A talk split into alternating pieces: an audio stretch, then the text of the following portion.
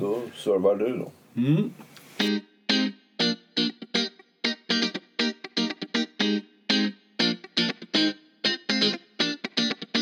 Uh, Jordan B. Peterson. En parentes bara i starten. Det är intressant med någon karl som har så tydligt nordiskt namn. Som kommer hit från, från Kanada och, och är professor i ett nordamerikanskt universitet och sen så väcker så stor uppståndelse. Men i alla fall. Han kommer hit och kan, det, det skapar dramatik. Det har varit väldigt mycket intervjuer och långa artiklar. Varför då? Han säger saker som är närmast självklara. Då menar jag inte att det är något fel på att vara självklar. Men han säger saker, och det låter som att han talar mest till yngre män, i alla fall män som inte är så himla gamla, men vuxna. Sträck på er, eh, ta ansvar. Och då kan inte jag låta bli att tolka in saker som att ja, även tonårsgrabbar måste läsa läxorna och se till att de blir eh, någorlunda duktiga i skolan. Um, en vanlig karl måste liksom se till att han har ordning och reda på. Man ska inte köra bil när man är full, man ska ta av sig mössan när man går i kyrkan och vara artig och sådana saker. Självklarheter. Men om igen, det är väl inget fel på att säga självklarheter. Men varför blir det så kontroversiellt? Och sen en sak till. Det är ändå intressant att de unga männen själva uppenbarligen tyr sig till honom. I hans, på egen hemsida säger han så här, ja, men nu har 250 000 personer eh, följt honom på hans turné. Det är liksom en rock, rockstjärnestatus. Och så kunde han låta bli att räkna efter att om man tar 350 kronor som jag tror de billigaste biljetterna i Amerika kostar så har han redan dragit in 27, 27 miljoner kronor brutto på att folk sitter och lyssnar på de här självklarheterna. Så det finns en attraktion i de här Den är faktiskt enorm. För tittar man på mina gamla nyckeltal att du kan penetrera 20 procent utav din, utav din bruttomålgrupp. Alltså få dem att betala för något ja, då har han ju faktiskt fem gånger så många ja. som, som egentligen gillar honom. Va? Så att det, det, det, är ingen liten skara, det är det inte. Men, men det är väldigt intressant det här törsten efter någon form av moralliberalism. Va? Alltså, viralt på nätet så finns det ett tal av en amerikansk amiral som han höll för kadetter på ja, inte, ja, någon, eh, någon av de här skolorna i USA. Och den börjar med du måste göra någonting varje dag för att komma igång. Mitt förslag är det att du bäddar din säng, mm. för då har du gjort någonting. Och sen är det bara att fortsätta göra saker efter det. Då blir livet lättare. Och det här ska säga, talet till de här kadetterna Ja, jag tror det har delats en miljon gånger på nätet. Och, och, och det är också någon form av moralliberalism. Eh, Så det finns uppenbarligen ett enormt behov av tio Guds bud i någon form av modern anpassning här ute. Va? Och, och, och, att vi svenskar då som är uppfostrade i värdenihilism och relativism, allt sedan Hägerströms dagar, eh, Hägerströms dagar att vi blir så chockerade av detta det är faktiskt ganska intressant. För det är ytterligare ett tecken på vår extremism. Vi ligger ju alltid längst upp och längst ut på alla värderingsskalor. Ja det, ja, det kan vara så. Men, men alltså, jag gissar att det är så att om man, om man pejlar i folkdjupet även i vårt land så gissar jag att uh, Jordan Petersons uh, tolv bud, de skulle de flesta skriva under på. Alltså, alla skulle nicka instämmande. Ja, men det verkar vettigt att man ska göra så här, man ska göra en gärning, man ska, vara, man ska ta ansvar. Man ska vara rädd om katterna går över vägen och lite sådana saker. Alltså det, det ligger inte så långt bort egentligen i vad vi tycker är rimligt och vettigt. Och det gör det också så intressant att se de här ryggmärgsreaktionerna från Annie Lööf och Margot Wallström. Eh, ett, de kan ju inte ha läst någonting utav vad han har skrivit Två, de måste ha övertolkat någon form av antifeminism i det hela som inte jag kan hitta. Och, och det förvånar mig att, att, att vänstern och den värdenihilistiska eh, liberalismen går till sånt angrepp. Just därför att det är ju faktiskt ganska eh, enkla livsregler han kommer med och knappast kontroversiella. Nej, jag håller med dig. Alltså, jag, kan förstå, jag kan förstå delvis. Om man lyssnar igenom intervjuer med honom och det är kvinnor som frågar honom saker om hans syn på kvinnligt och manligt och sådana saker, skillnaden mellan män och kvinnor, så är han uppriktigt sagt rätt konstig. Han har egendomliga idéer som är lite oklara. Dessutom blir han alltid arg. Han blir liksom aggressiv på något konstigt sätt i sina resonemang. Vilket gör att man blir ännu mer misstänksam mot hans eh, synsätt när det gäller de här sakerna. Och han har ett sätt att, att göra utfall tillbaka mot de som intervjuar och avbryter dem och såna saker. Så det, det känns som att är man inne på de områdena så blir han han är inte alls välsorterad och det är ingen ordning och reda på vad han egentligen tycker. Och sånt där. Och det är klart som sjutton att det, det väcker eh, jag kan tänka mig att det väcker uh, motkänslor. Man ja, men, men beror det på att han är anglosaxare då och har en annan syn på manligt, kvinnligt, mänskligt så att säga än vi? För ibland när man är i Storbritannien och USA då får man en känsla av att vi är liksom 20-30 år före dem när det gäller praktisk feminism så att mm. säga. Mm. Och att, att det finns i den maskulina kulturen i anglosaxien någon form av lite, nästan lite förakt för den svaghet som holländare, svenskar och så vidare har som har en mer praktisk feminism. Och, och är det det som ligger bakom? Han ser feminismen komma och han gillar inte riktigt dess effekter och att den får för mycket påverkan på de unga männen. Eh, det är en intressant, intressant frågeställning. Alltså. Jag kan inte svara på det. Jag vet inte riktigt. Men, men, eh, men det som du säger, det finns ju i hans eh, vaga måste jag säga. För de här resonemangen är inte så bra. De jag har försökt hitta där han, där han för dem. Alltså att det här påverkar många män eller det påverkar samhället i på något sätt antydningsvis i fel riktning med mer feminism eller mer makt till kvinnor. Någonting är fel på det enligt hans sätt att se. Men svårbedömt alltså. Är det så att han tycker faktiskt att det är fel? Men han vågar inte säga det för tidsandan har åkt ifrån det här. Alltså, är, är det så att han innerst inne tycker att eh, nej, det är bättre med, med män från Mars och kvinnor från Venus och att de håller sig eh, lugna och isär och att karlarna får bestämma och så vidare. Men han, han är smart nog att inse att det kan man inte uttrycka för då får man en snyting. Nej, det blir för konstigt. Eh, jag vet faktiskt inte. Jag bara märker att det, är, det här verkar väldigt känsligt för honom. Och då säger han dumheter och det gör att, att vanligt folk i Sverige, framförallt kvinnor, blir provocerade av det. Framförallt de som är på högre positioner så att säga. För det stämmer liksom inte riktigt med den bilden. Icke desto mindre kan man ändå fundera på varför det väcker... Man skulle, det man skulle kunna göra även om man är, även om man är Margot Wallström det är ju att säga det här, den här personen har Eh, det är intressant att han drar som publik, det är intressant att det finns en manlig åhörarskara. Det är intressant att se att de här eh, förhållandevis enkla begreppen som vi alla, i alla fall i min ålder, egentligen är uppfostrade med att de väcker... Eh, det blir popularitet av det.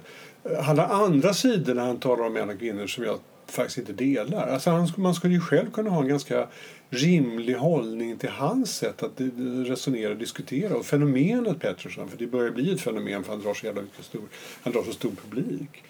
Utan det finns något annat. Det finns någonting som visar dels någonting som är, tycker jag, känsligt eller konstigt åt honom men också känsligt och konstigt i, om man får kalla det så, Margot Wallström-sfären. Alltså, båda två visar upp känsligheter av olika slag som plötsligt här krockar. Men är det då att han har ska vi säga, en, en krav på någon form av eh, akademiskt resonemang med tes, antites, syntes eh, medan Wallström har utgår som hon ofta gör, rakt upp och ner från känslor. Och att det där, för att det märker man ju i den här debatten som är nu att vänstern blir ju mer och mer känslostyrd. Alltså, du får inte uttala dig om du mm. inte är si och du får mm. inte prata om du inte är så. Och, du, och allting delas upp i genus och ras och, mm. och så vidare. Och, så vidare.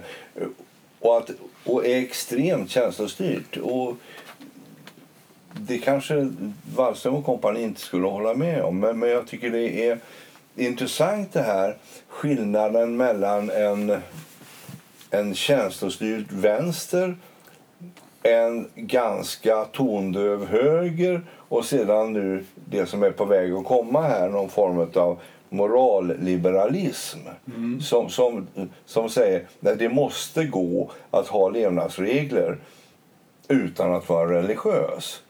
Alltså mm. det måste gå att ha någon form av struktur eh, som människor kan förhålla sig till utan att låta dem gå till, till Jesus eller till Mohammed så att säga. Det kan vara så. Men vet du vad, när du pratar så börjar jag tänka på, kan det vara, kan det vara ännu värre? Nej, inte ännu värre, men kan det, kan det finnas en annan egendomlig bakgrund? Alltså att vi... Det finns någonting i det moderna ultraliberala samhället som gör att vi faktiskt inte tycker om regler längre. Och när vi hör dem, hör dem och dessutom hör dem skapas som popularitet så, så vet vi plötsligt inte riktigt vad vi ska göra. Nej, kom inte här med massa regler. Det här låter ju som tio Guds bud. Nu har vi äntligen befriat oss från dem. Och så kommer någon här och drar jättepublik och säger dem igen. Nej, nej, nej, det här vill vi inte. Men man kan inte säga det rakt ut för det blir för konstigt. Och då så, då så hittar man någon nisch här i Petersons sätt. Ja, men han tycker inte om kvinnor. Det tycker vi inte om. Det är helt fel. Det stämmer inte alls med samhällsutvecklingen. Gå tillbaka och göm dig bakom stenen igen. Kom inte här och prata att det är så det är. Och egentligen finns det, det här, kanske är den här grundläggande vad ska man säga, regel, regelhållandet. Ja, Upp, regelupprättandet som han faktiskt eftersträvar, eller säger åt oss att göra. Ja, du menar att vi har gått nu så långt i vår relativism och värdenihilism i Sverige så att den extrema position vi har i alla värderingsskalor mm. den är inte bara läpparnas bekännelse Nej. utan vi är verkligen sådana. Vi tycker att det här med att någon ska komma dragande med regler det är lite ovärdigt och det är lite omodernt och det är lite... Ja, ja, det är det, inte svenskt. Jag måste erkänna att det är en, en påhittad teori för stunden så jag är inte säker på att jag skulle våga hävda Alla teorier brukar vara påhittade. Men det är klart att man ibland undrar över varför hela Sveriges folk, tror vi i alla fall, tycker att det är rimligt att man inte har med sig mobiltelefonerna i skolsalen. I alla fall inte så att man låter sig störas av dem. Och så tar man av sig mössan och jackan när man sitter på lektionerna. Men det är ju ett, det är en stridsämne i skolorna om, det, om, det, om man ska kräva det av sina elever. Det är klart att det är lite konstigt. Ja, och det där, där är ju, ska vi säga, eliten inom citationstecken extremare än menigheten. Men ja. det är ju eliter ofta. Ja. Och sen är ju eliten dessutom delad. För att det är ju rätt intressant när man följer skoldebatten. Då finns ju några vanliga praktiska lärare som skriver debatt. Mm. Och som skriver just det här, mm. ta av er mössan och håll tyst. Ja. Men då kommer det ju alltid mothugg ja, från annan, från, från pedagogiska institutioner eller någon annanstans. Och, ja, ungarna ska absolut inte behöva göra ditten eller datten utan de får vara som de är. Ja. Mobiltelefonerna är väldigt bra och nyttiga i det pedagogiska arbetet. Eller någonting. Ja. Ja, visst. Vilket de ju absolut inte är Nej. eftersom de aldrig används i det pedagogiska arbetet. Nej. Mer än möjligen till att googla på rasten. alltså. och då, då, så det finns indicier på att den här man skulle kalla, så om man är gammalmodig skulle man kalla det för den totala normupplösningen den har inträtt redan och är nu den nya normen på något sätt, att vi inte har några regler alls. Och så kommer Jordan och säger om igen att vi ska ha moderna tio Guds bud för han kallar det något annat och är det tolv stycken. Då blir, vi så, då blir vi galna vilska över att någon vågar dra, dra fram det här gamla, det här gamla byket igen. Ja. Och framför allt då den delen av byket som verkligen går att ifrågasätta som du säger det här när han antyder att det är farligt att män tar till sig för mycket av kvinnliga värderingar. Ja.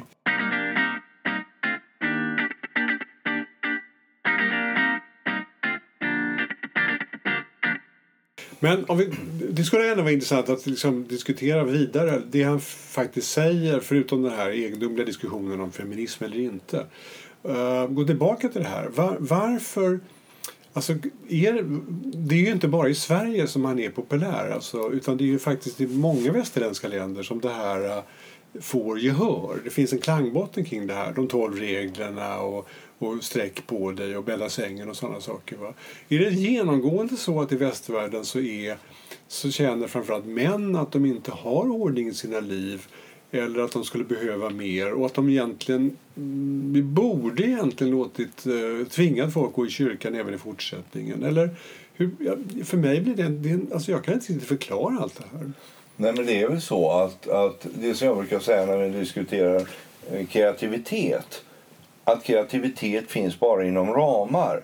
För har man oändliga resurser och oändliga möjligheter så blir det väldigt sällan någonting gjort utav det. Utan, utan på något sätt så, och det är väl samma sak med frihet. När friheten blir gränslös så blir den, inte för alla men för många, förvirrande. För man har man ingen personlig kompass som säger dit ska jag och så här gör jag. Då kanske man behöver 12 bud för att komma upp och bädda sängen på morgonen så att säga. Det låter rimligt, men det jag tänker på är att han, han kommer från Nordamerika och Nordamerika uppfattar jag i alla fall som lite mera tydligt sina normer jämfört med Skandinavien och framförallt Sverige. Och då uppenbarligen har han haft stora åhörarskaror även i sin hemtrakt, gissningsvis också i USA. Och eh, så att det den, eh, vad ska man säga, vår extrema position där är är in- är inte så himla extrem utan de tycker att och de omfattar det här på samma sätt. Trots att man är mycket mer religiös till exempel, i alla fall i Amerika. Kanada vet jag inte riktigt. Men då är vi tillbaka till det där att han kanske har rätt i sin hypotes. Att den moderna mannen är vilsen. Ja. Därför att de maskulina värdena eh, är satta på undantag. Det är mer och mer fokus på, på citat eh, feministiska värden och värderingar som männen har svårt att ta till sig och, och svårt att, att liksom, eh, acceptera. Och det är naturligtvis så att om man inte riktigt har en naturligt förhållningssätt till det här då blir det först väldigt lätt att man blir anti eller inställsamt pro. Man använder sin personliga ska vi säga, förmenta feminism för att få fördelar hos tjejer. Eller så blir man väldigt anti-feminismen och säger det att nej, tjejerna ska lära sig för det är ändå så att det är riktiga karlar de vill ha. Alltså den där banala diskussionen den, den ligger ju som en underton kring alltihop där. Och det kan ju vara så att folk, att karlar faktiskt inte vet. Eh, det är ju som vi sa inledningsvis innan vi började prata att för dig och mig så har det här med feminismen varit så självklart. Va? Jag menar, vi har haft mammor som var yrkesarbetande, självständiga. Min mamma var aktiv i Fredrika Bremer-förbundet. Eh, Simone de Beauvoir hon förekom i, i, i diskussioner redan på 60-talet. Jag menar, på något sätt så har detta aldrig varit kontroversiellt. Nej. Och, Nej, och då blir man kanske mindre känslig på det här området än, än många andra så att säga. Ja, men Um, jag kan inte låta bli att fortsätta med en diskussion som vi hade tidigare. Om det nu är så att män som inte är ordentligt utbildade, i alla fall män som inte är sådär självklart ordentligt försörjande, alltså de drar in pengar, de har svårare att hitta kvinnor. Och man ser det i statistiken att de får färre barn och de gifter sig mindre, mindre, mindre sällan än kvinnor och sånt där. Va? Och ju högre upp man kommer i utbildning, ju fler barn och ju fler fruar har, har männen. Då blir ju liksom om man visste det här som man, då skulle ju liksom själva, eh, ska man säga, Incitamentet. Ja, precis. Incitamentet. Vad ska jag göra i mitt liv? Det blir ganska självklart. Man, man ska läsa läxorna, gå i skolan, helst universitetet, eh, jobba som fan. Eh, det är det som gör att man får lycka när det gäller den andra sidan av livet, den mer äktenskapliga, kärleksmässiga. Det där är jätteintressant. För vad är det som gör att männen ger upp? Inser de att de är för korkade inom citationstecken för att klara det här racet? Eller är de för lata? Eller, eller, för det är ju precis så. Statistiken är ju väldigt tydligt. Män gifter sig med vackra kvinnor oavsett utbildning. Men kvinnor gifter sig inte under sin egen utbildnings Nej. och, och intelligensnivå. Sen kanske de har någon älskare, vad vet jag. Men, men alltså, det är väldigt tydligt. Och sen är det också väldigt tydligt det här att attraktionskraften är bredare vad gäller mäns attraktion av kvinnor än kvinnors attraktion av män. Det är alltså färre män som är spelbara för kvinnor än kvinnor som är spelbara för män. Och, och det är ju klart att det borde ju bli då som du säger att man skulle anstränga sig och, och gymma som fasen och gå på Tekniska högskolan eh, för att få bra tjejer i framtiden. Och då undrar man, är det så här att det här inte är riktigt känt? Eller är det så att det är för jobbigt? Om man då, om man då, om man då till det här lägger till Peterson då skulle man ju säga så här, ja men se själva. Om ni, ni ska leva i ordentliga äktenskap, alstra barn och vara bidra till samhällsutveckling. Men för att få en kvinna att vilja leva med er så måste ni också gå på högskolan eller i alla fall göra läxorna ordentligt och sen börja jobba på ett allvar. Kort sagt, det jag sagt från början, sträck på er, ta ansvar, läs läxorna. Det är det, det, är det bästa sättet för att få ett bra liv. Ja, eller skaffa dig en sekundärvinst. Va? Bli gangster eller bli Mm, ja, okej. Mm. Ja, ursäkta eh, likhetstecknet där. Men, men, men eh, det var lite medvetet. Men då, då undrar man sig, har, nu, har, nu drar inte Petersen det så himla långt, men det, det finns ju antydningar åt det här hållet. Och då kan man ju om igen undra, ser inte de unga männen det här själva? Eller, eller finns det någonting som gör att de faktiskt är latare än vad kvinnor är? Eller hur fan fungerar det? Jag måste... Jo, men det är klart att killar är latare än tjejer. Men tänk på mig själv. Hade jag klarat att ta studenten i den skola som är idag? Tveksamt. Alltså, jag, behövde, jag var lat. Jag behövde disciplin. Jag, jag gillade den omed, omedelbara eh, tillfredsställelsen av mina lustar. Och den största lusten i 15-årsåldern det var ju egentligen att sova. Och, och liksom parta och sen sova i kapp. Och, och, och det är ju ingen bra grogrund. För, jag, var ju värdelös i skolan 14-15. Och sen så tog jag mig då till slut och, eh, och i, i gymnasiet så redde det väl ut sig. Men, men jag tror faktiskt att...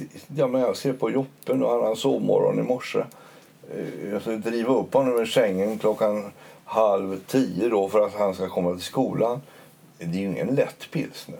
Men Per, du kan ju vända på det och säga att du själv är beviset på att man inte behöver en Jordan Peterson. Därför att när i din, dina övre tonår så, så insåg du plötsligt att det här är jag måste göra någonting mer. Jag måste ta mig kragen, stå rak i ryggen, läsa läxorna och se till att jag går i plugget och kommer ut med re- relativt bra betyg. Ja, eller så hade jag helt plötsligt någon form av maskulint storhetsvansinne som sa så här.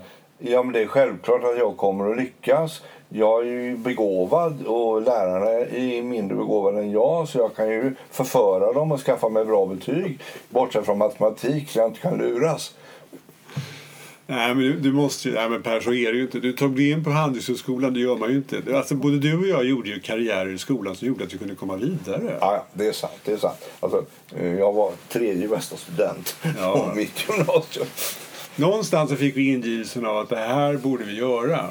Vi måste göra det. Vi såg någon sorts vi- vinst i framtiden men ändå så att även om man inte ser klart så visste man att nu är det läxa och nu är det matteprov eller geografiprov. Nu ska jag fan se till att jag kommer ut där rätt bra. Jo, alltså just att framstå som dummare än man är genom att ha usla betyg. Det, det känner man ju själv. Och det är klart, jag kan inte säga att jag är så jätteglad över att jag hade så svårt med matte. Alltså det, det, det är ju en intelligensbrist. Att, att man, att man liksom hankar sig fram i matte och så har man eh, lilla eller stora A i allting annat. Man kan trösta dig med att jag hade alltid problem med matte. Från gymnasiet. Jag matte var urjobbigt. Och sen skulle jag läsa kemi tänkte jag på KTH. Jag tyckte det var fasansfullt när jag insåg att jag skulle läsa ungefär det som hette på den tiden ett och ett halvt betyg i matematik för att ta mig igenom de här kemistudierna. Det var till och med så jag sökte upp din välutbildade hustru för att få hjälp med de här mattestudierna. Jag kände mig alltid dum. Om det nu är någon tröst. Jag tog mig igenom så småningom. Jo, alltså- Matte, matte, kan ju, alltså, matte kan ju ha det, den Ja, effekten. men, men vad jag menar med det här lite personliga resonemanget är ju det att det var ju inte någon form av insikt om att jag måste ta mig samman. Det fanns inget sånt där beslut. Utan det blev mera... eh, Det kom av sig själv på något sätt. Va? Att, att man vill vara lika smart som kompisarna. Man vill, man vill eh, inte ha för dåliga betyg. För att slippa skämmas. Och, alltså, det, det var inte så där så att jag vaknade en morgon och sa så här, nej nu ska jag bli ordentlig och sen ska jag bli officer. Utan, utan det var ju så att successivt blev jag lugnare, bättre, Mm. mindre bråkig och, och, och fick bättre betyg. Ja. Men det, det, det, det känner jag igen också. Jag har inte heller någon sån här upp, upp, jag var inte heller så bråkig i skolan. Jag var faktiskt rätt en vanlig, duktig elev hela tiden. Men jag tror heller inte att jag kände någon sorts uppenbarelse. Men, men jag, tror inte, jag tror ändå det är så att vi, både du och jag, eh, på något, på något sätt visste att man be- behövde göra det här för att leva ett bra liv. Ja, det, det tror jag. För det, det, var nog, det var nog drivern. Det här att jag hade varit på sjön Mm. och knackat rost. Mm, just det. Eh, jag hade varit på mentalsjukhus Mm. och, och liksom städat och fixat och donat med patienter. Ja. Och jag visste det väldigt tidigt då från mina sommarjobb att hur jobbigt det än är i skolan att ha ett manuellt arbete är ännu jobbigare. Så att, att skolan var, när man kom tillbaka från ektank, då var skolan faktiskt ganska enkel. Ja, men man kan inte låta bli att undra då. Varför behöver de unga männen det här idag? Alltså, är det så att vi föräldrar inte säger till dem? Är det så att det inte finns i tidsandan längre? Är det så att inte ens morfar och farfar vågar säga till sina telningar att det, här, det är så här man gör? Eller är det så att kyrkan har backat ut helt och hållet och inte finns längre? Ja, så är det ju. Är det det som gör att Jordan Peterson har sån effekt på, på världen eller på oss? Ja, det finns en otäck alternativ till Jordan Peterson. Och det är IS. Eller, Ja, eller, Ja, eller eh, ska radikal islamism. Eller, eller den lokala gangsterkungen. Alltså det här att lätt rekrytera pojkar mellan 12 och 15 Ja. för att ge dem ett livsinnehåll som är ganska strängt och extremt. och de tar emot detta med öppna sinnen. Ja. Alltså, det, det är ju märkligt på något sätt att tomheten i vårt samhälle gör att några hundra unga killar åker och utsätter sig för total livsfara i, i Syrien eh, och, och, och Irak för en högre mening. Eh, för det är ju, det är ju en annan form av Jordan det sitter, absolut. sitter en, en, en trygg mulla och talar om för dig att det här ger dig mening i ditt liv. Du kommer till, till, till paradiset och det här är vad, vad vår religion går ut på. Och sen tänker pojken, ja men, ja, det, det låter ju ganska okej, okay, Då vet jag vad jag ska göra och så marscherar man. Det där är, ju- alltså det där är ju, jag tänkte på det när man nu firar minnet av eh, första världskrigets slut. Och så börjar man då gå igenom i långa artiklar om hur det var med det där kriget egentligen. Och då inser man plötsligt att det finns ju alla krig har ju massor med frivilliga män som anmäler sig på båda sidor. Sverige hade tydligen folk på båda sidor i första världskriget. Det är inga mängder, det är inga horder av karlar. Men det är ändå så att varje krigssituation så finns det alltid unga män som vill ansluta sig.